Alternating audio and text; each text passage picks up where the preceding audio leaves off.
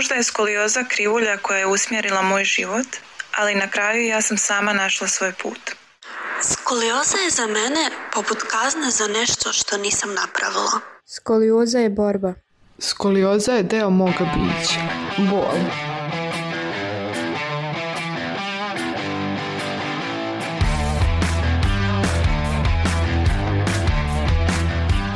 nezdrav životni stil, nedostatak fizičke aktivnosti ili potpuna neaktivnost. Dugotrajno sedenje i nepravilno držanje dovode do deformiteta kičmenog stupa. Obično se prepoznaje po tome što je jedna strana tela zakrivljena u odnosu na drugu, po nepravilnom položaju ramena, lopatice i kukova. Kada je krivina kičme veća od 10 stepeni, smatra se skoliozom. To je najčešći deformitet kičmenog stuba, a ključni period za njen nastanak je polazak dece u školu. Slušate podcast na zdravlje. Moje ime je Nikolina Ilić i uz mene ćete u narednih nekoliko meseci učiti o zdravlju.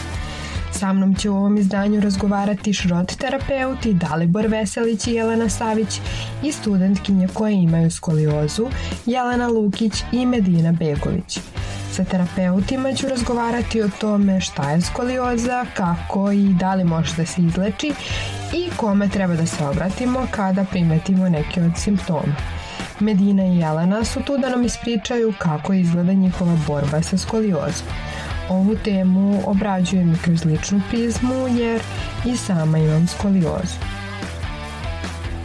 Ni sama ne znam koliko sam puta prevrnula očima svaki put kada su mi roditelji rekli da ispravim kičmu i da lepo sednem. I svaki put kada bih se ispravila, to bi trajalo dok oni ne izađu iz sobe, a onda bih se ponovo zavalila u krevet, sedeći u najgorim mogućim položajima za moja leđa. Danas, sa diagnostifikovanom skoliozom, svaki put kada osetim bol i ne mogu da obavljam najobičnije svakodnevne aktivnosti, Razmišljam o tome kako bi bilo sada da sam tada malo više slušala, a malo manje prevrtala očima. Skolioza je trodimenzionalni deformitet kičmenog stuba, Odnosno, skolioza predstavlja poremećaj kičmenog stuba gde dolazi do bočne zakrivljenosti kičme na jednu ili na drugu stranu, I e, u diagnostičkom smislu možemo reći da se skoliozom smatra krivina kičme koja je veća od 10 stepeni po kobovom uglu. Kobov ugao je ugao koji meri devijaciju kičme u stranu između dva neutralna pršljenska tela i što je veći kobov ugao, veći je rizik od progresije same krivine. Razlikujemo više vrsta skolioza. Jedna od najčešćih skolioza je svakako idiopatska skolioza, I ona se javlja negde oko 80% svih obolelih.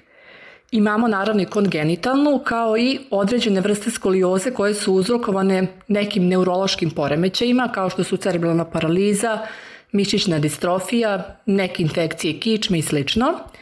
A idiopatske se javljaju najčešće kod zdrave dece u periodu intenzivnog rasta i razvoja i za sada se ne zna tačan uzrok nastanka. I te idiopatske se dele u tri grupe, odnosno podgrupe. To su infantilne idiopatske, koje se javljaju kod dece od prve do treće godine života, zatim juvenilne idiopatske, koje se javljaju kod dece od četvrte do devete godine i adolescentne idiopatske, koje se javljaju kod dece starije od devet godina. Ne smatra se svako skoliotično držanje skoliozom promene na kičmi koje nastaju kao posledica lošeg držanja tela, nepravilnog nošenja tereta i slično tome karakterišu se kao funkcionalna skolioza. Nadam se ovom testu, nama poznatijem kao test pretklona koji smo svi radili na sistematskim pregledima, ne pojavljuje se izražena grba kod funkcionalne skolioze. Nasuprot tome postoji strukturalna skolioza koja za posledicu ima pojavu grbe na leđima. Prema rečima terapeuta Dalibora Veselića, pored grbe ili gibusa pojavljuju se još neka odstupanja na telu. Prvi znaci skolioze su pojave asimetrije na telu pacijenta. Pod to spadaju denivelisana ramena, dakle ako uočimo da je jedno rame više od drugog, zatim denivelacija lopatica, tu po to podrazumevamo jednu lopaticu više od druge, pa imamo vezano za lopatice i naglašenost jedne lopatice. Dakle, to znači da je jedna lopatica više naglašena, odnosno više štrči od druge. Imamo i prominenciju kuka, odnosno e, pomerena karlica od linije središta tela u jednu stranu, levu ili desnu u zavisnosti od skolioze. Takođe može biti i ventralna prominencija, odnosno naglašenost rebara sa jedne strane, gledajući od napred pacijenta, obično u predelu završetka rebarnih lukova i početka trbušne regije. Ali moram reći da ukoliko vidite asimetriju u toj regiji znači da imate već strukturalnu skoliozu koja je dobila svoju rotaciju. Vrlo bitnu ulogu u diagnostifikovanju skolioze imaju i roditelji. Neki od prvih simptoma redko kada će uočiti deca, ali vrlo često mogu da ih vide drugi. U mom slučaju to je bila mama koja je primetila da mi je desna lopatica dosta izbačenija od leve. Ali kao i svako dete u tom trenutku nisam baš razmišljala o tome kao nečemu strašnom, već sam smatrala da će to da prođe, pa eto tako samo od sebe. Jelena Lukić kaže da nije imala neke posebne simptome i da čak nije ni osjećala nikakvu bolu kičmi pre nego što se suočila sa dijagnozom. Saznala sam da imam skoliozu tako što moja komšinica je fizijatar i ona je trenutno u penziji, međutim jako se dobro razumije u to i rekla je mom, mom e, tati e, da bi trebala da obavim pregled jer je uočila da imam nepravilno držanje i onda se naravno moj tata zabrinuo i odveo me kod doktora i onda e, sam se pregledala, a tad sam trenutno imala oko 10 godina, sada imam 20 godina, dakle prvi put mi je uočeno sa 10 godina, međutim tad su mi pre prepisane obične medicinske te vježbe e, i nisam redovno išla na kontrole. E, tako da prvi put prije godinu dana sam saznala koja mi je krivina kičme, to jest e, imam lijevu e, lumbalnu skolioz koja mi iznosi oko 35 stepeni, dok desna torakalna mi iznosi oko 23 stepena. Kao i kod Jelene, ni Medina nije sama primećivala simptome, sve dok njena sestra nije uočila izbočinu na jednoj strani leđa. Kaže da nije imala nikakve bolove u predelu kičmenog stuba sve do trenutka dok nije dobila dijagnozu. Od tada oseti bolove pri dužem stajanju, nošenju cipela na štiklu ili pri dužem hodanju. Prema njenim riječima i psihatu ima udala jer kao po defaultu, kada saznate dijagnozu, počinje i da vas boli taj deo tela. Na osnovu rentgenskog snimka ispostavilo se da se radi o krivini kičme od 35 stepeni. Iako se skolioza nakon 20. stepena ispravlja miderom, Medina ga nije nosila. Nisam ništa koristila od ortopedskih pomagala, e, zato što kad sam otkala skoliozu već sam imala 18 godina i doktor su mi rekli da je kasno i za nošenje ortuze i za bilo šta. Jedino mogu da se odlučim za operaciju. E, rekli su da mogu, a i da ne moram i rekli su kao da neće napredovati skolioza mada ja mislim da je ona napredovala dosta. A, ja pokušavam da riješim bolove kod kući nekim vježbama koje gledam na YouTube-u za skoliozu. A, e, na operaciju se još nasuđujemo, osuđujemo, usuđujemo otići jer a, e, tražim baš nekog dobrog stručnjaka. Strah me i negativnih posljedica koje mogu dobiti tom operacijom, tako da sam odlučila sačekati. Moje iskustvo sa ortopedskim pomagalima nije bilo baš sjajno. Sećam se trenutka kada mi je doktor u prvom razredu srednje škole rekao da moram da nosim mitar. Tog trenutka moj svijet se srušio. Mider je jedan čudan predmet od gipsa koji se pravi specijalno po vašoj meri, u kom spavate, u kom živite i skidate ga samo kada se kupate i radite vežbe. Mider je tada deo vas. Do tada sam ga viđala samo u čekonici Instituta za ortopediju na Banjici u rukama dece, u čim se očima videlo da samo žele da im doktor kaže da ne mora više da ga nose. Delovao kao neki gipsani oklop i imala sam osjećaj da u njemu ne možeš da se pomeriš ni levo ni desno, a ni da dišeš. Bila sam preplašena kada su mi uzimali mere, kada su izlivali gips na mom telu. Bila sam preplašena i osude i reakcije okoline. Jer kada imate 15-16 godina, estetika je mnogo bitnija od zdravlja. Plakala sam, krišom sam ga skidala. Ali imala sam sreće što je bila zima i što se ispod dukseva i džempera koji su pet brojeva veći, Midari nije toliko video tešili su me time da imam nešto što je pravljeno po moje meri. Čak su ga i moji prijatelji prihvatili i bili su mi veći oslonac nego što sam tada bila sama sebi. Vrlo bitan faktor u prevenciji, ali i ispravljanju skolioze jeste fizička aktivnost koja može da bude pomoć u što uspešnijem lečenju. Prema rečima šrot terapeuta Dalibora Veselića, pravilna fizička aktivnost može da uspori dalji razvoj skolioze. Što smo neaktivni, logično slabiji su na mišići koji održavaju statiku kičmenog stuba što dalje povlači ili nastanak ili rapidniju progresiju skolioze. Znamo da su nam deca mnogo manje aktivna danas u poređenju sa samo pre 20-30 godina. To je glavni razlog zašto danas imamo mnogo više posturalnih deformiteta nego ranije. Ono što moraju novi roditelji razumeti je važnost fizičkog vežbanja za svoju decu i moraju ih od najranijih dana ubaciti e, u redovnu rutinu fizičkog vežbanja. Ono što mi zaboravljamo uporno je da su naša tela prirodne mašine koje su konstruisane da budu fizički aktivne od prvog zraka sunca pa do njegovog zalaska, a ne da sede po ceo dan i gledaju u ekrane. Uh, Današnji način života nas je primorao da kompenzujemo tu neaktivnost na nazovi veštački način po teretanama i salama za vežbanje. Kroz razgovor sa jednom terapeutkinjom saznala sam da skolioza nije borba samo onih koji je imaju, već je borba i terapeuta, ali i čitavog okruženja. Sećam se kako mi je rekla da ponekad slave uspeh, a ponekad ih tuga obuzme kada shvate da je operacija jedino rešenje, ali eto, takav je život. A kakav je to život sa skoliozom i kako izgledaju najprostije svakodnevne aktivnosti, ispričale su nam studentkinje Medina Begović i Jelena Lukić sad tu čine moje samopouzdanje jer ja ne mogu više da nosim neke sad uske majice gdje mi se krivina vidi na leđima ne mogu da nosim neke teške stvari. Moram da pazim u svakoj situaciji, u svakom trenutku na svoj položaj kičme. spog sebe naravno ne mogu da nosim štikle kao što sam nekada nosila prije jer mi stvarno stvara nelagodnu bol u leđima.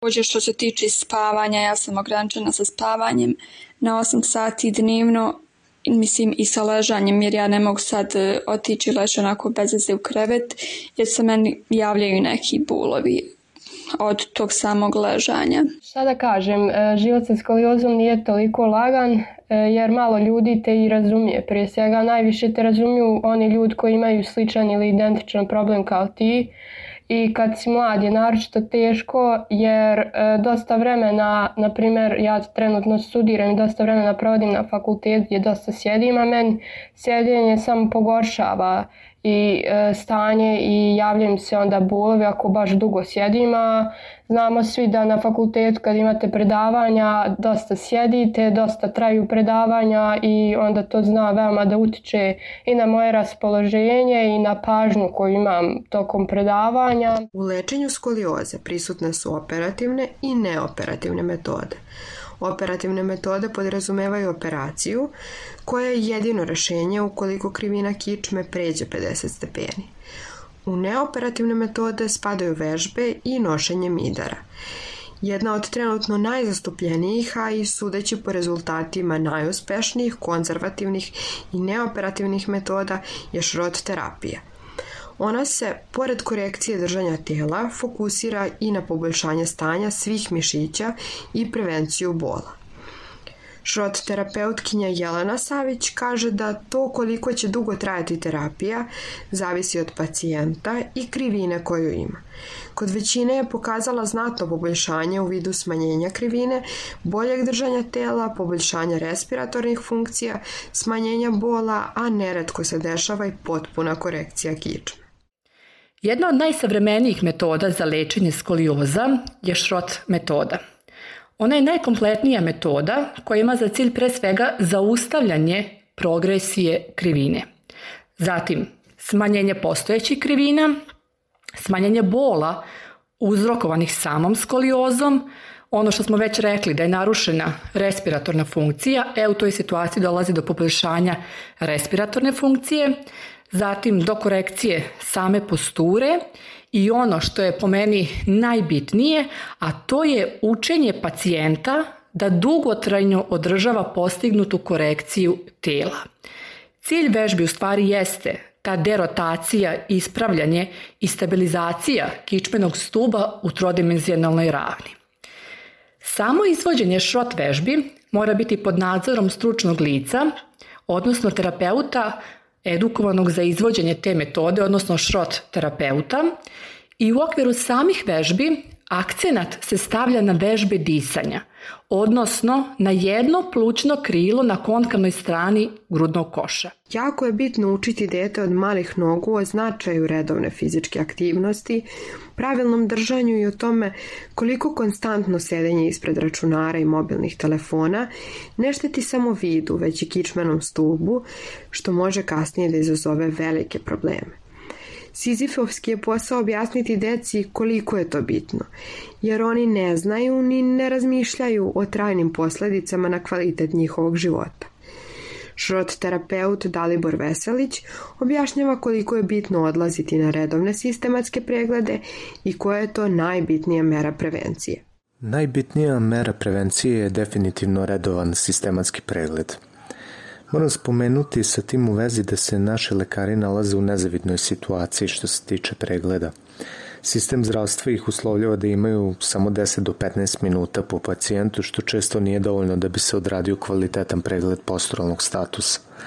U svakom slučaju, svaka im čast i za to što postežu koliko mogu da postignu u tako kratkom vremenskom intervalu. Iako je fizička bolest, skolioza može da utiče i na psihičko zdravlje. Činjenica da nju imaju pretežno devojčice mnogo otežava stvari – Skolioza se vidi, pa čak i osobe koje ne znaju šta je mogu da primete gibus, nepravilan položaj ramena ili kukova. Vrlo se teško sakriva čak i širokim duksevima i majicama, a posebno u letnjem periodu.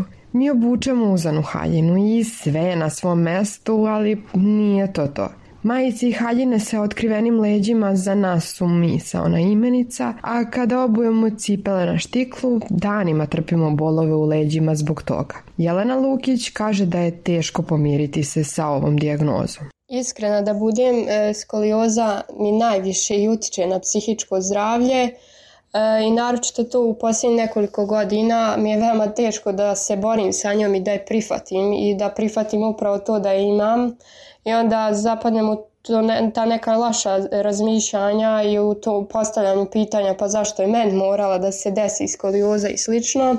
Tako da kad sam bila ma, mala nisam toliko bila svjesna toga i nije toliko uticalo to na svakodnevni život i na samo psihičko zdravlje, ali u posljednje nekoliko godina mi izrazito je ostavila uticaj i naravno vi kad se razvijate i kad ste mladi e, prolazite kroz takve faze da uvijek tražite neku manu na sebi i onda kad imate tako neku krupniju stvar mnogo je teško je prihvatiti, teško je prihvatiti da izgledate drugačije, da je imate i teško je prije svega objasniti nekim drugim ljudima e, u čemu, šta vas muči tačno.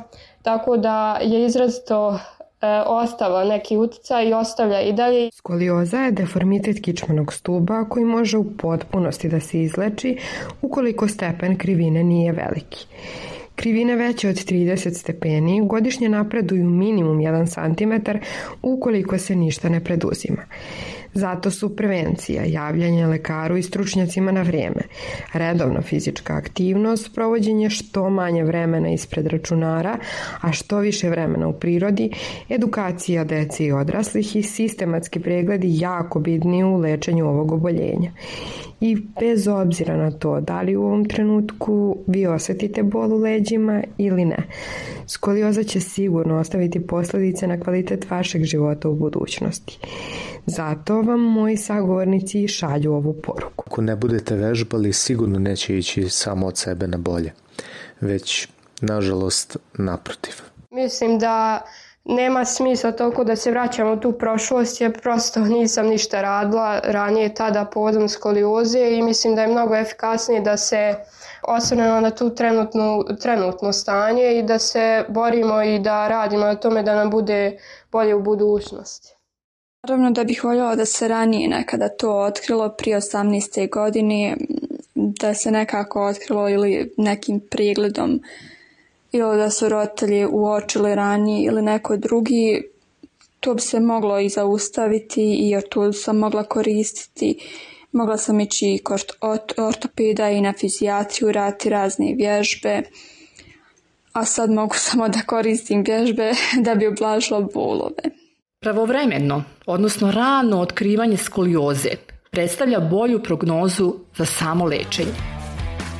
Dok sam pre neki dan razgovarala sa drugaricom o novoj epizodi, rekla mi je to je jako bitna tema jer skoliozu imamo svi. I nemamo je baš svi, ali ima je veliki broj ljudi. Skolioza je široko rasprostranjeno oboljenje sa tendencijom rasta osoba koje je imaju posebno u situaciji u kojoj se trenutno nalazi ceo svet. Izmještanje poslova iz poslovnih prostora i kancelarija u kuću, školovanje od kuće, zabrana izlazaka posle 5, 6 ili 7 sati uveče, slušanje fizičkog vaspitanja od kuće, ispred televizora, a ne u sali, dovode do porasta broja osoba sa deformitetima kičme. Zato što manje vremena ispred računara ukoliko je to moguće, a što više fizičke aktivnosti jer sedeći položaj nije prirodni položaj čovekovog tijela. Slušali ste podcast na zdravlje. Moje ime je Nikolina Ilić, a sa mnom su u ovom izdanju razgovarali šrot terapeuti Dalibor Veselić i Jelena Savić, kao i devojke koje imaju skoliozu Medina Begović i Jelena Lukić.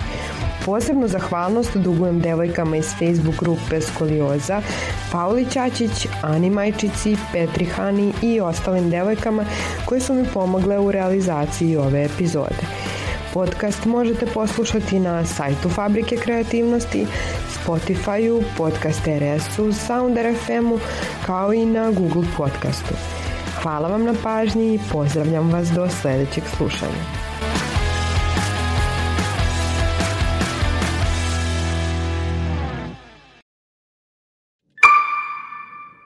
Produkcija Fabrika kreativnosti